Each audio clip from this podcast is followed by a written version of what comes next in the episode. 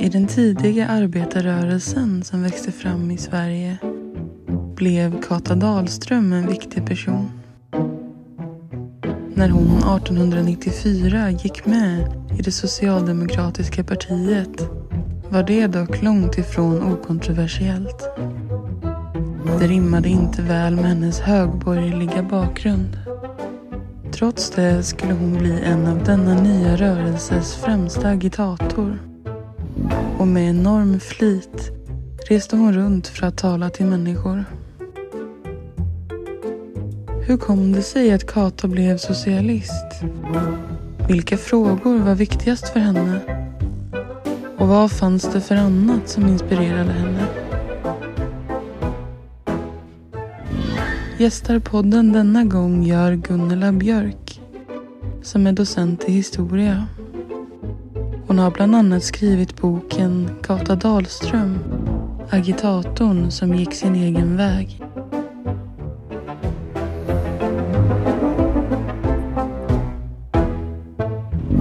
Ja, men då hälsar jag alla lyssnare välkomna till ännu ett avsnitt av Moderna Tider.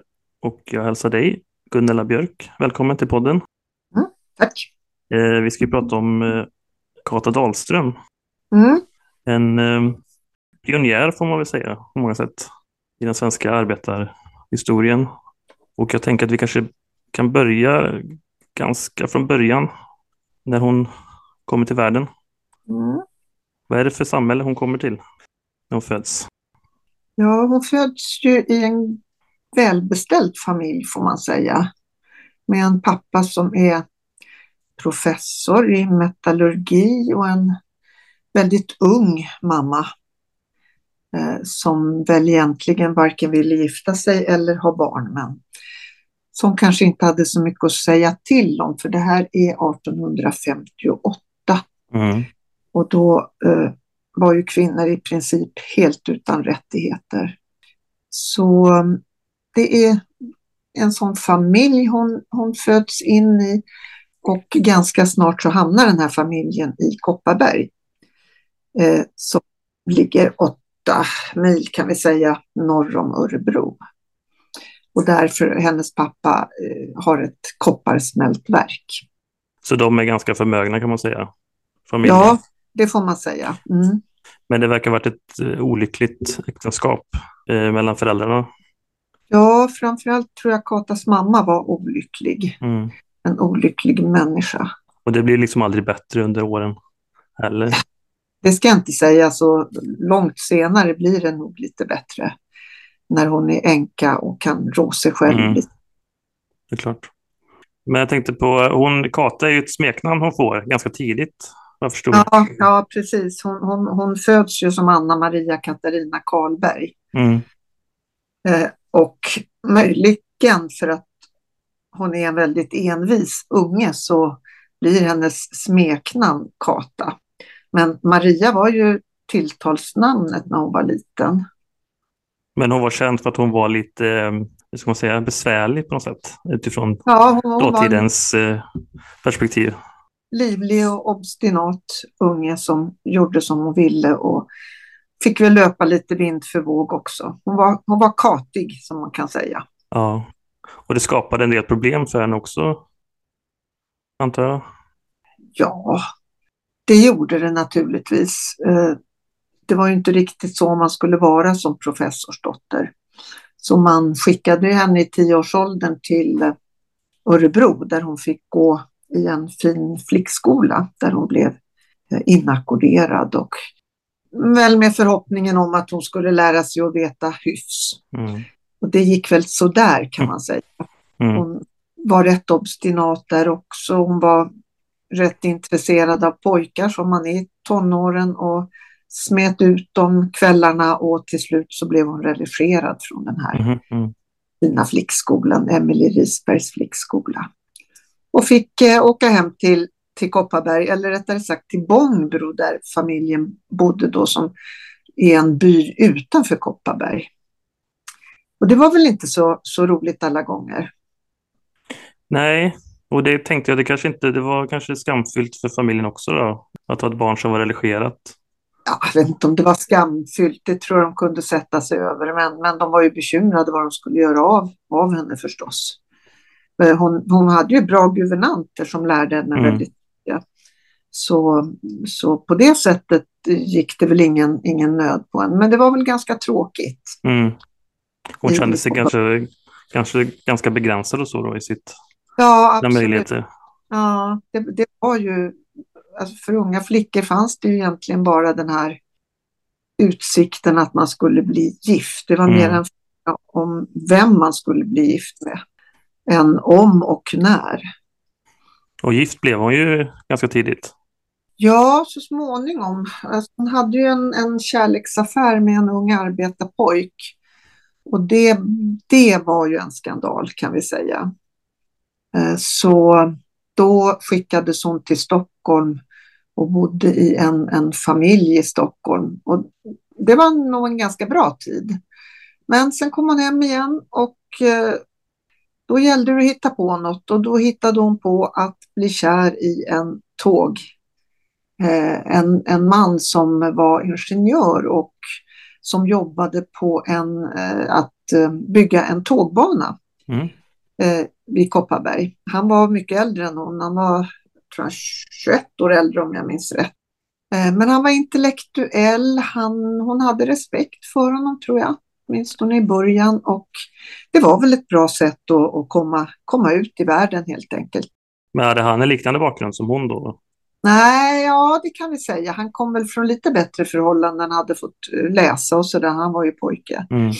Så, så han var djupt konservativ man och, och tyckte att eh, kvinnans plats var vid spisen och föda barn.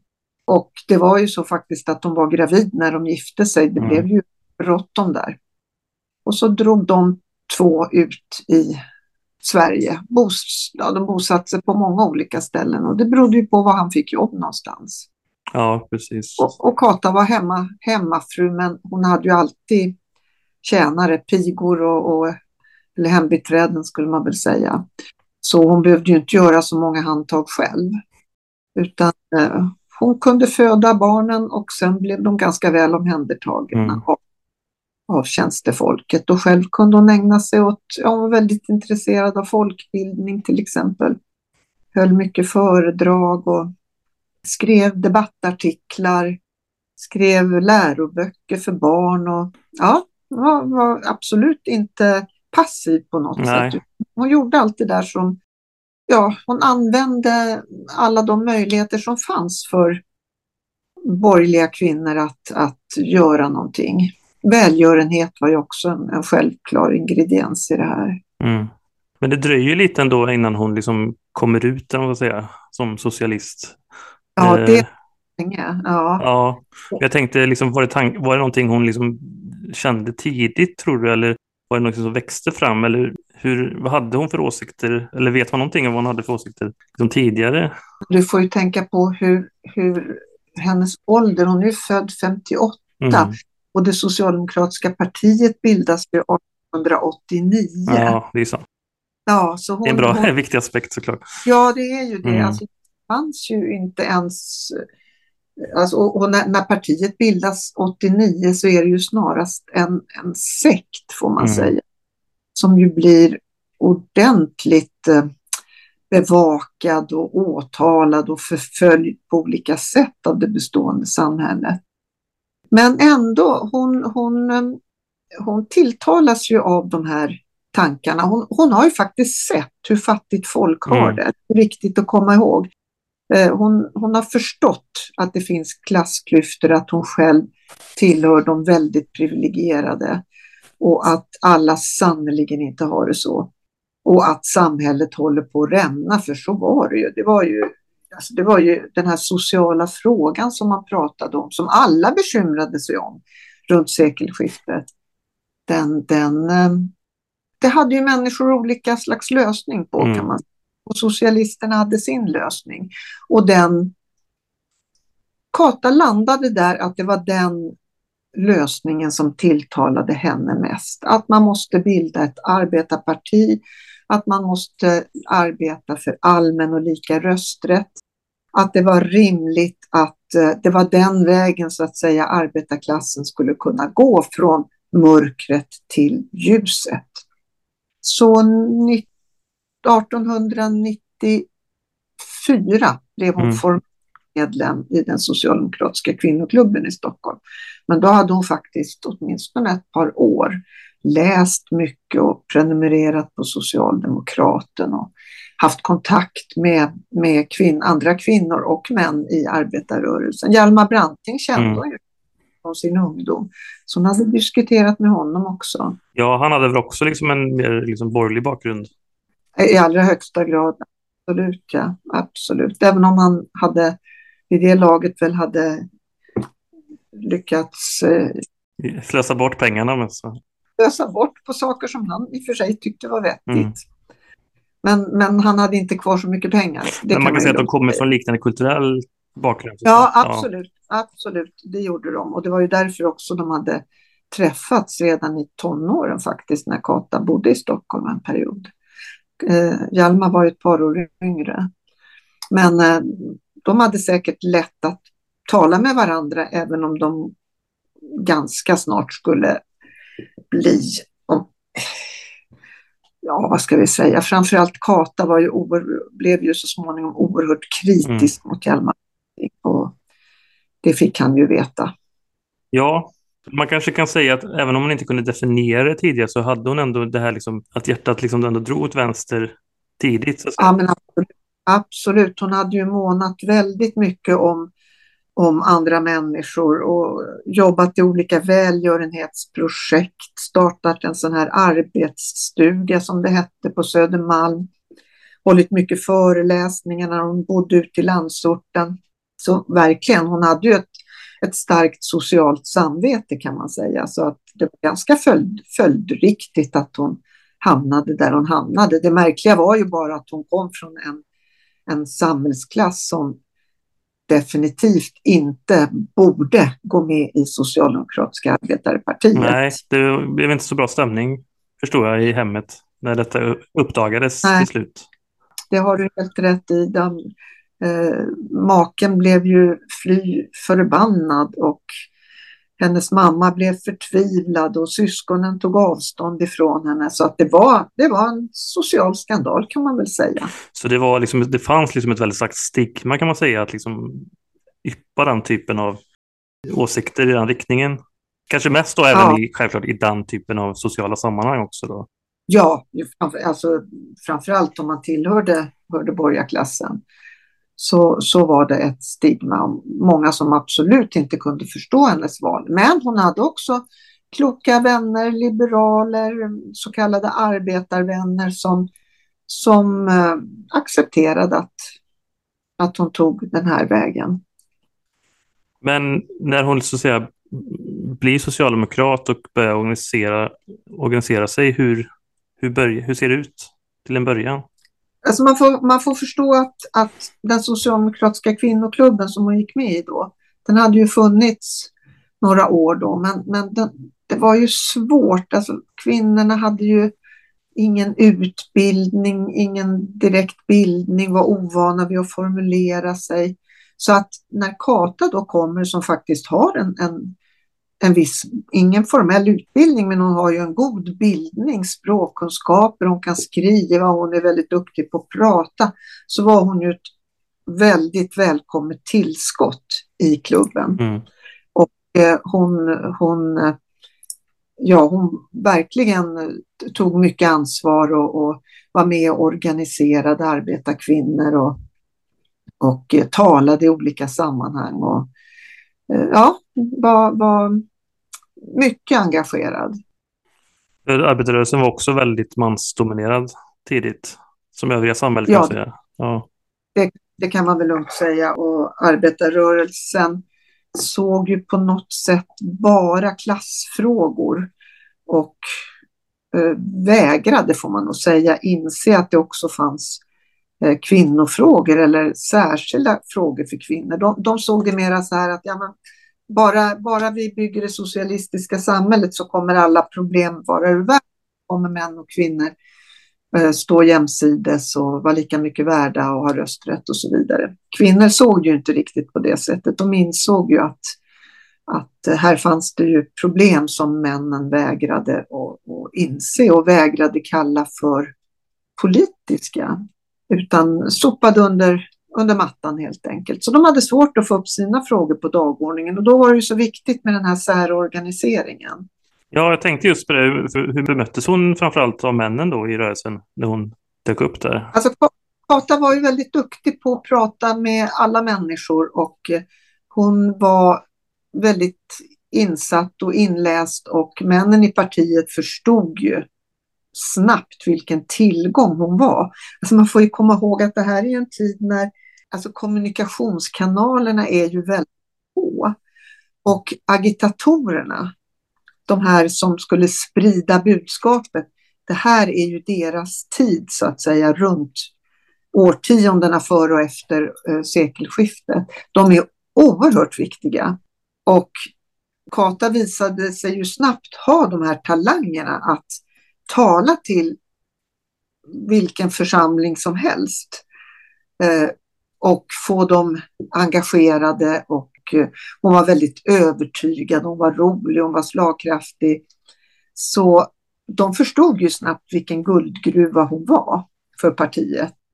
Så jag skulle nog säga att hon hade, hon hade goda relationer till, till männen i partiet. Eh, Däremot kunde hon ju vara kritisk mot deras politiska linje. Men vad var det för frågor som var liksom i tiden där, 1890-tal framförallt? Rösträttsfrågan var väl redan het ja. då? Röstfrågan är ju den viktigaste frågan naturligtvis.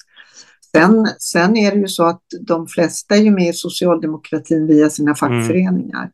Det är ju de fackliga frågorna som är oerhört viktiga. Alltså vem ska leda och fördela arbetet? Vem ska, hur, man måste förhandla sig till löner, vad händer när någon blir sparkad? Alltså det var ju oerhört konkreta frågor som, som eh, arbetarna hade att, att eh, tampas med i sina fackföreningar. Bara det här att, att gå med i en fackförening kunde ju räcka att man fick mm. sparken.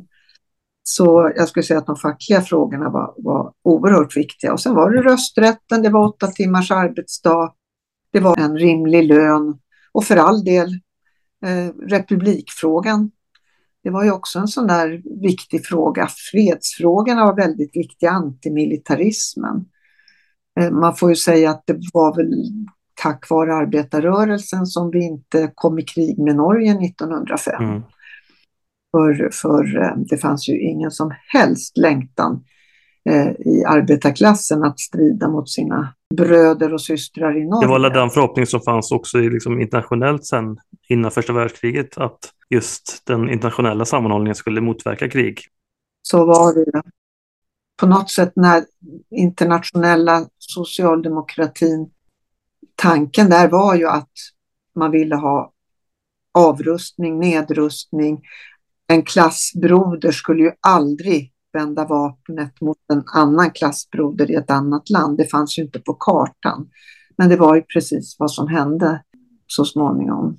Ja, för att jag förstår att Kata också var ganska, liksom, såg arbetarrörelsen som en stark internationell Alltså, ja. alltså inte, det här med liksom socialism i ett land var liksom inte en idé hon förfäktade direkt. Nej, precis, verkligen inte. Alltså jag tror att alla i princip betraktade betraktade eh, socialismen som en internationell fråga. Att eh, man väntade på den här gnistan som skulle tända en världsbrand och man tänkte sig att det var i de högt industrialiserade länderna som förändringarna skulle komma. Mm. Sen i vilken form förändringarna skulle komma, det, det, de flesta var nog reformister så att säga och ville att det här skulle gå steg för steg och fredligt. Men man var också beredd på att man kunde möta väpnat motstånd och insåg att då kunde det ju bli kallt stål som gällde. Men det var ju inget eftersträvansvärt på något Nej. sätt. Tvärtom var ju de flesta väldigt, så att säga, antimilitaristiska. Och då var man kanske också ganska mycket emot eh, alltså militär upprustning och sånt, sånt också då? Ja, men det var ju en jätte, jättehet fråga. Ned med vapnen mm. skrev ju Zäta Höglund en, en skrift som hette och det fick han ju sitta inne ett år för. Så det var ju det var en riktigt både klassskiljande och, och eh, het fråga i debatten.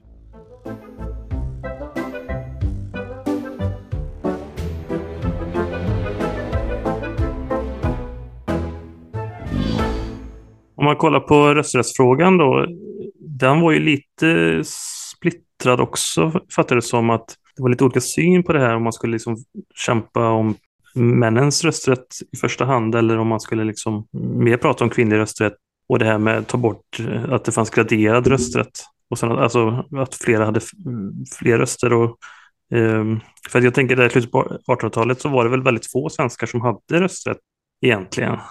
Ja visst, alltså rösträttsfrågan var ju väldigt aktuell ända från, ja ända när partiet bildas 1889 eh, så står ju den liksom först på dagordningen. Det är ju allmän och lika rösträtt. Mm. Och det betyder ju rösträtt för alla människor oavsett inkomst eller förmögenhet och rösträtt för både män och kvinnor. Och då. lika rösträtt. Absolut. En, en människa, en rösträtt. För vi hade ju eh, en, en graderad rösträtt till i alla kommunalval, mm. stadsfullmäktigeval. Där kunde man ju ha upp till 100 röster till och med. Ja, just det. Medan eh, när det gällde rösträtten till, till riksdagen och valbarheten, då handlade det om pengar och förmögenhet. Men det fanns ju redan en, det fanns ju liksom en mer liberal kvinnorättsrörelse också. Hur förhöll mm. sig liksom den arbeta, eller socialdemokratiska rösträttsrörelsen till den liberala? Ja, alltså 1902 bildades ju en, en, en eh, landsomfattande eh, kvinnlig rösträttsrörelse som, som väldigt många engagerade sig både liberala kvinnor, de var väl de flesta kanske, småskollärarinnor och andra, men också många högerkvinnor och en del socialdemokratiska kvinnor. Problemet för de socialdemokratiska kvinnorna var att rösträtt, Landsföreningen för kvinnans politiska rösträtt som den hette, att de, deras krav var till en början rösträtt på samma villkor som för män. Och det var ju ett knepigt krav för arbetarkvinnor att ställa upp på, för det skulle innebära att deras, deras eh, bättre beställda systrar skulle få rösträtt men inte de själva och inte deras män. Egentligen. Ja, men då ska man ha kvar någon slags inkomstmärke? liksom. Ja, ja alltså på samma villkor som för män. Det betyder ju i att man hade kvar de här men, men det här ändrades ju så småningom och, och eh, så småningom blev ju kravet allmän och lika rösträtt. Medan då eh, socialdemokrater och liberaler som var i allians då eh, nog var ganska överens om att här gällde det att kämpa för männens rösträtt i första hand. Och sen skulle man så att säga hjälpa sina... Det var lite samma inställning där då, att vi löser en fråga först så kommer andra ja, precis. på köpet så att säga. Ja, det var det. Men du ställer sig Kata där och... Ja, hon var ingen eh, superfeminist på det där sättet utan hon kunde nog acceptera att Eh, Eh, det var taktiskt riktigt, åtminstone i ett visst läge där runt 1906, att man försökte driva igenom den manliga rösträtten i, i första hand. Men samtidigt var hon ju oerhört kritisk och bitsk mot männen i partiet och menade att de systematiskt eh, undlät att uppmuntra sina fruar och döttrar och systrar att gå med i, i partiet och vara politiskt verksamma. Så hon, eh, hon hade ju fullt klart för sig hur, hur omständigheterna var. Men hon kunde också acceptera att man gjorde taktiska eftergifter i vissa lägen. Mm. Jag tänkte framåt, hon kom ju in, eller hon kom ju upp i partiledningen i början, är det 1902 eller? Nej, 1900. 1900 har väl in i, ja, i VU? Ja. Precis, i parti, partistyrelsen och i partistyrelsens verkställande utskott. Det är ju stort. Det är ja. första kvinna i svensk historia som hamnar i ledningen för ett politiskt parti. Det kan vi ju lugnt säga. Ja, men med tanke på att hon ändå liksom blir bortvald några år senare, var hon liksom bråkig? Var hon, tyckte, hon, tyckte de andra som var liksom krångliga att ha att göra med det på toppen så att säga? Lite grann kan det nog hända för att hon var ju redan då en, vad ska vi säga, vänstersosse. Mm. Ibland kritisk mot Hjalmar Brantings mer konsensusinriktade, kompromissvilliga inställning. Men det var nog också att hon var väldigt ofta frånvarande därför att hon var ute på talarturnéer. Alltså ungefär samtidigt som hon blir invald i VU så börjar hon på allvar resa ut som agitator och det innebär att hon, hon låg ute månader i sträck. Ja, 170 dagar per år eller något sånt där va? talade hon. Ja, det, eller 170 tal per år. Det var ju lite olika, olika år men, men alltså ute. Men det är ändå mycket där det var på topp då? Så mycket. Och, och, och, man insåg nog att det var där hon kunde göra det bästa för partiet. Mm. Alltså man, man, man också att det var ju så viktigt. Hon visste ju vad som hände centralt i partiet. Så åker hon ut till små, kanske ofta förföljda arbetarkommuner eller fackföreningar. Och där kan hon ju berätta för dem vad som händer centralt i Stockholm. Mm. Och hon kan lyssna på dem, eh, fråga om deras problem, deras situation, vad tycker de? Och så kan hon förmedla det tillbaka till Stockholm. Så hon var en väldigt viktig kommunikationskanal i partiet. Ja. Hon, liksom, hon blev en ganska känd person även för offentligheten. Mm. Ja, naturligtvis. Hon blev väldigt snabbt, ska jag säga, en omtalad och uppskattad person. Omtalad inte bara förstås av de som gillade henne utan också de som eh, tyckte att hon var förfärlig. Men på något sätt så det var ju nästan som fjäder i hatten för henne när, när tidningarna skrev elaka saker eller när polisen försökte avbryta hennes möten eller, eller eh, när hon blev åtalad. Det, det ökade hennes ryktbarhet kan vi lugnt säga. Och då kom det ännu fler till hennes möten för att se om det skulle hända något spektakulärt. Men hur mycket tänker du att det hängde ihop med att hon var kvinna? Det är klart att det var viktigt för intresset, det tror jag. Mm. Men hon var inte den enda kvinnan, men hon var ju definitivt den kvinnliga agitator som var ute mest. Och kändas också? Eller? Och som, blev, som blev definitivt blev känd över hela, hela Sverige. Och, det, och inte bara i Sverige, hon var ju på fem eller sex turné, långa turnéer till Norge. Mm. Eh, hon var till Danmark, så, så hon var väl, väl känd över hela Norden får man nog säga. Och ganska omtyckt för det mesta också då? Ja, oerhört uppskattad, verkligen. Hon, hon hade ju den där förmågan att tala med bönder på böndernas vis som med lärde män på, på latin. Hon startade ju hur många kvinnoklubbar som helst och hade ju, hade ju, kom tillbaka till de här olika ställena kanske med några års mellanrum, var mycket uppe i Kiruna till exempel, startade kvinnoklubben där. Grängesberg startade en kvinnoklubb, Borlänge, ja, överallt. Och, och jag som åker runt så mycket med och pratat om Kata, det har ju varit väldigt roligt för att på väl, väldigt många ställen har det ju funnits människor i publiken som kan berätta om de historier som de har hört av sina föräldrar eller morföräldrar. Mm eller som traderas i deras familj om när Kata var på det ena eller andra stället. Och de kan peka ut stenar, där stod Kata och pratade för att hon fick inte vara i UGT-lokalen. Eller här stod hon i ösregnet utanför Folkets hus som eh, ännu inte var byggt ännu, men där stod hon. Och, ja, det finns mycket ja. historier kvar. Det var nog lite överraskande för mig, men det har ju varit otroligt roligt. Hon är ju ingen superkändis i historien. Inte för allmänt Nej, folk. det beror väl också på vilken bakgrund man kanske kommer ifrån. Mm. Och uh, hur pass historiskt intresserad man är. Och ålder naturligtvis.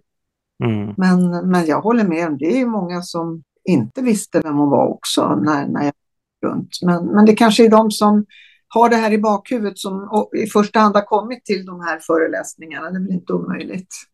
Nej, det är klart. Men eh, jag tänkte på alltså om hon blev ganska känd så antar jag att det skrevs ganska mycket om henne också mm, tidningar och sådär. Vad tyckte, vad, vad tyckte pressen om henne? Ja, men det berodde ju på vilken press det var först. Mm. Så hon fick ju mycket, mycket skit i, i eh, den borgerliga och den riktigt eh, och högerpressen.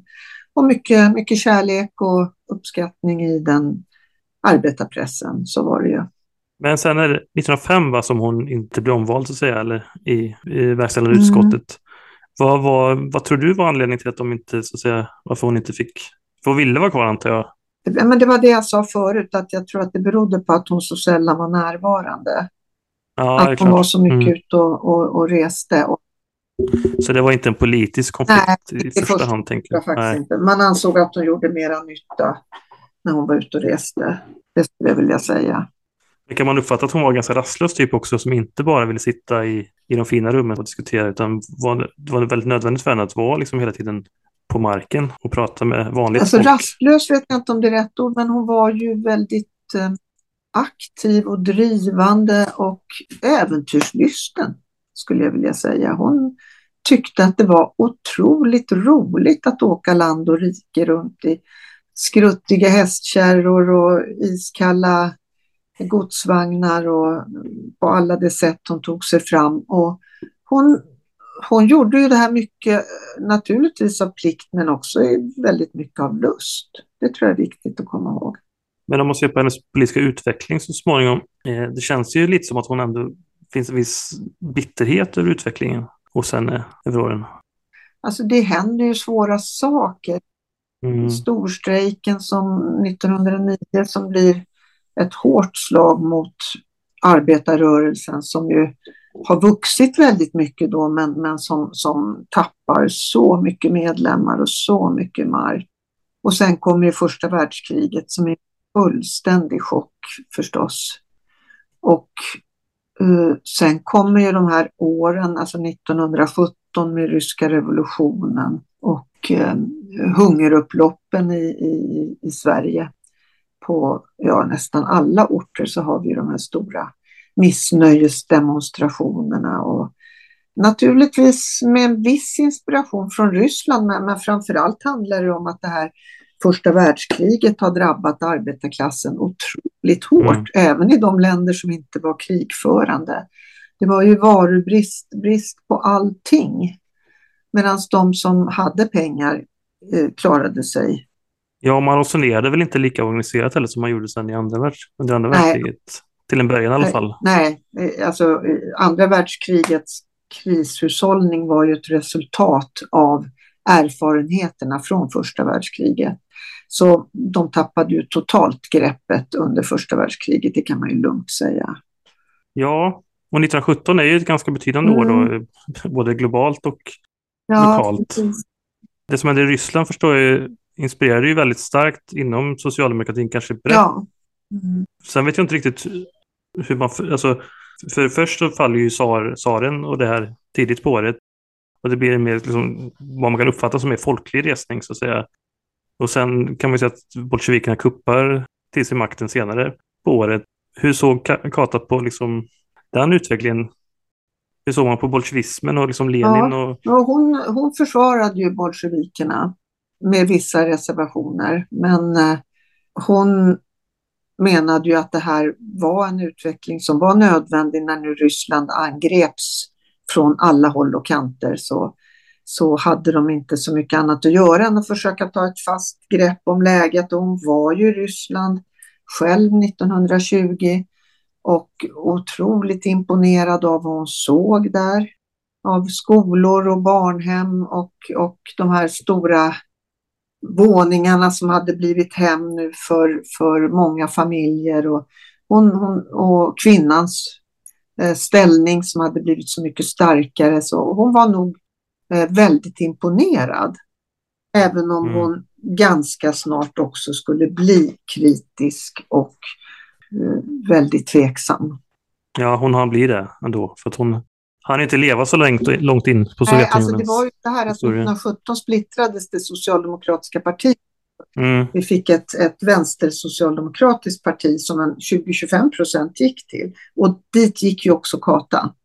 Och det var ju ett väldigt fint parti på många sätt. Anti-auktoritärt och humanistiskt och jämställt. Ja, det hade väldigt fin målsättning. Men, men eh, ganska snart så, så blev det den här väldigt knepiga situationen i Ryssland då. Och man tvingades ta ställning för eller emot bolsjevikerna. Och då valde Kata att ta ställning för bolsjevikerna. Och hon var med om att bilda det svenska kommunistiska partiet 1921. Men hon blev ju väldigt snabbt kritisk mot, framförallt mot den här centralstyrningen från Moskva. Alltså bolsjevikerna eller exekutivkommittén, de krävde ju att alla kommunistiska partier överallt skulle vara sektioner av mm. det ryska kommunistiska partiet. Ja, det lär Komintern. Ja, det kom inte precis. Så de förlorade ju sin självständighet och alla skulle byggas upp på samma sätt utan att man tog hänsyn till olika lokala förutsättningar. Det här blev ju ett jätteproblem i Sverige och det, som i Norge blev det ju ett otroligt, alltså det blev, det, det verkligen splittrade den socialistiska rörelsen. Och till slut för Katas del så blev hon ju, så från att ha varit så upphöjd i alla år, så blev hon ju angripen av sina egna för att hon förmedlade en borgerlig kultursyn till exempel. Och för att hon var eh, religiös. Mm, det tycker jag var spännande att läsa om hennes andliga ja, det, det syn var, på saker var, och ting. Det var inte så vanligt på den tiden man kan tro, men det har väl inte skrivit så mycket om det förut. Nu har man börjat uppmärksamma det mer och mer. Men, men hon var ju, eh, landade ju så småningom i att hon var buddhist. Så småningom, ganska tidigt mm. på 1900-talet. Och hon var också spiritist, det talade de väl inte så mycket om. Teosofi var intresserad av också. Hon började i den teosofiska änden men landade som, som buddhist. Men det här, det här skrev hon om i socialistiska tidningar. Hon höll föreläsningar, så det var inga hemligheter.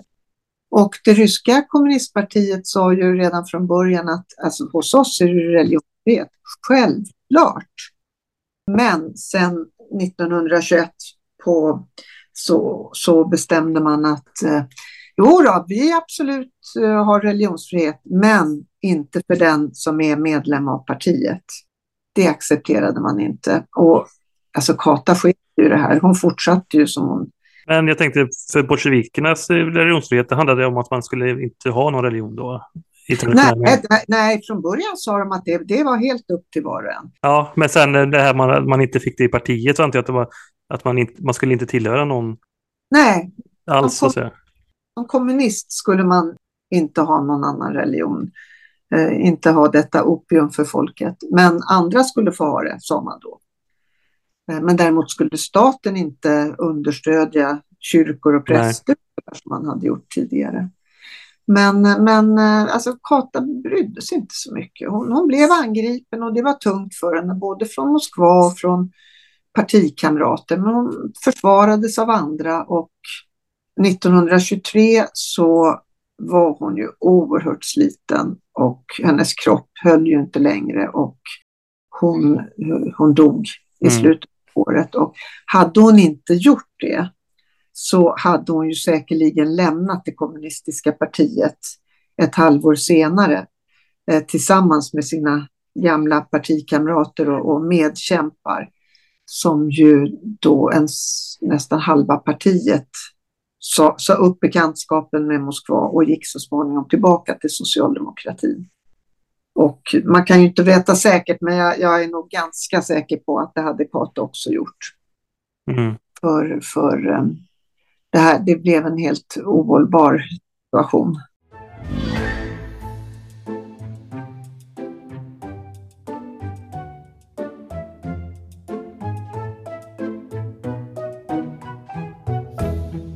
Jag tänkte lite vad vi pratade om det här med hennes religiösa inriktning. För att jag mm. förstod ändå som att hon ganska mycket liksom vill ändå föra en intellektuell diskussion om hur man kunde sam samföra eh, socialism och religiositet till exempel. Och hennes kritik låg mer i att, att statskyrkan var liksom maktfullkomlig och så. Ja, det, alltså nu var hon ju inte kristen. Nej, jag menar det. Men alltså att hon ändå... Jag, jag förstod det som att hon eh, tolkade Marx det här opium för folket mer som en kritik mot institutionen mer än själva eh, religiös övertygelse eller liksom en inre tro.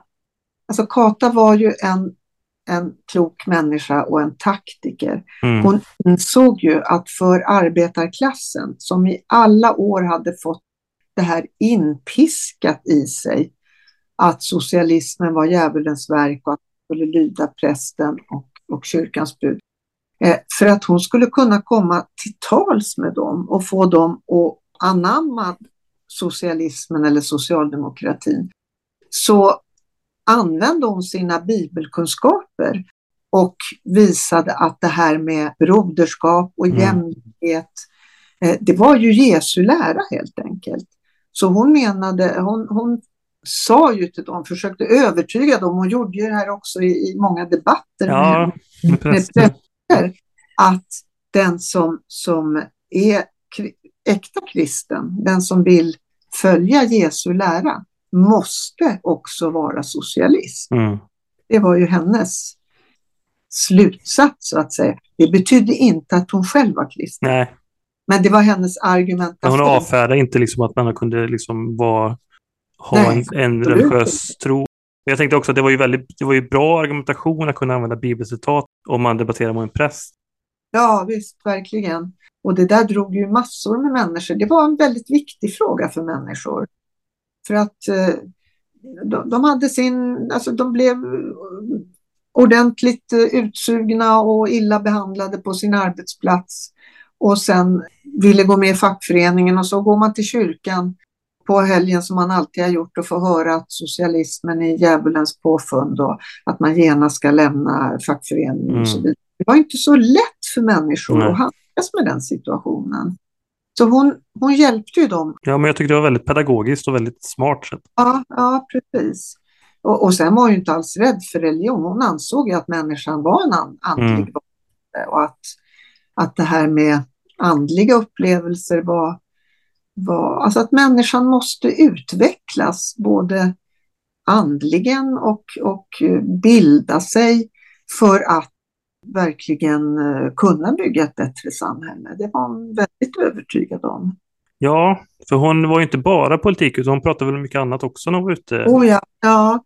Hon tyckte det var oerhört viktigt med folkbildning kan man lugnt säga. Så ofta bjöd hon ju på en politisk föreläsning och så lite efterrätt då i form av någon, någon, någon, föreläsning om, det kunde vara konstnärer, det kunde vara olika författare, det kunde vara historia, franska revolutionen. Hon, hon hade en hel katalog av möjliga bildande föreläsningar. Mm. Men sen så dör hon då 1923. Mm. Hon, hon, var ganska sliten rätt länge va, men hon la inte av utan hon fortsatte livet ja. ut i princip. Ja, så var det.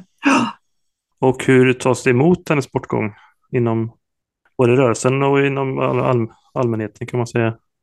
Ja, det blir ju en, en, en uppmärksammas ju väldigt mycket naturligtvis och det blir en stor begravning i Stockholm då med tiotusentals människor längs gatorna och, och röda fanor och eh, arbetarkvinnor med blommor och så vidare. Och det, det, det, fanns en viss tradition kan vi säga också när stora arbetarledare dog.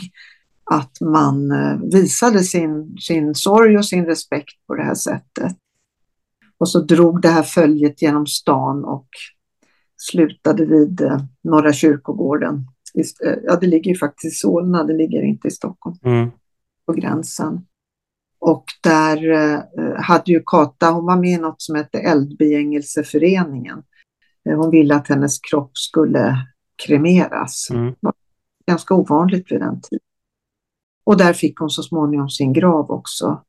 Väldigt vacker grav som är inhuggen i en, en, en ett gråberg där med en fin, fin relief på. Arbetarnas kulturhistoriska sällskap gör varje år kyrkogårdsvandringar mm. till eh, olika såna här arbetarpionjärer, arbetarledares gravar och då är ju förstås alltid Katas grav och det, det programmet. Men jag tänkte om vi skulle börja avrunda lite grann. Vi var inne på det lite, men jag tänkte på hur du ser just på hur man förvaltar hennes minne idag. Du har ju skrivit en bok, en biografi om Karl Dahlström. Hur mycket har det skrivits tidigare? Har det forskats mycket? Hur ser liksom Socialdemokraterna och Vänsterpartiet på henne idag? och så vidare. Ja, det har skrivits mycket om henne förut också. Det här är inte den första biografin. Men eh, man kan alltid se historien från lite olika håll. Mm. Så att eh, det var dags för en, en, en ny biografi. Men eh, jag skulle vilja säga att den kom i en bra tid. Att risken att hon hade blivit bortglömd ökar ju naturligtvis för varje år. Men när det kommer en sån här biografi som får mycket uppmärksamhet så, så skriver man på något sätt in människor i historien igen. Mm.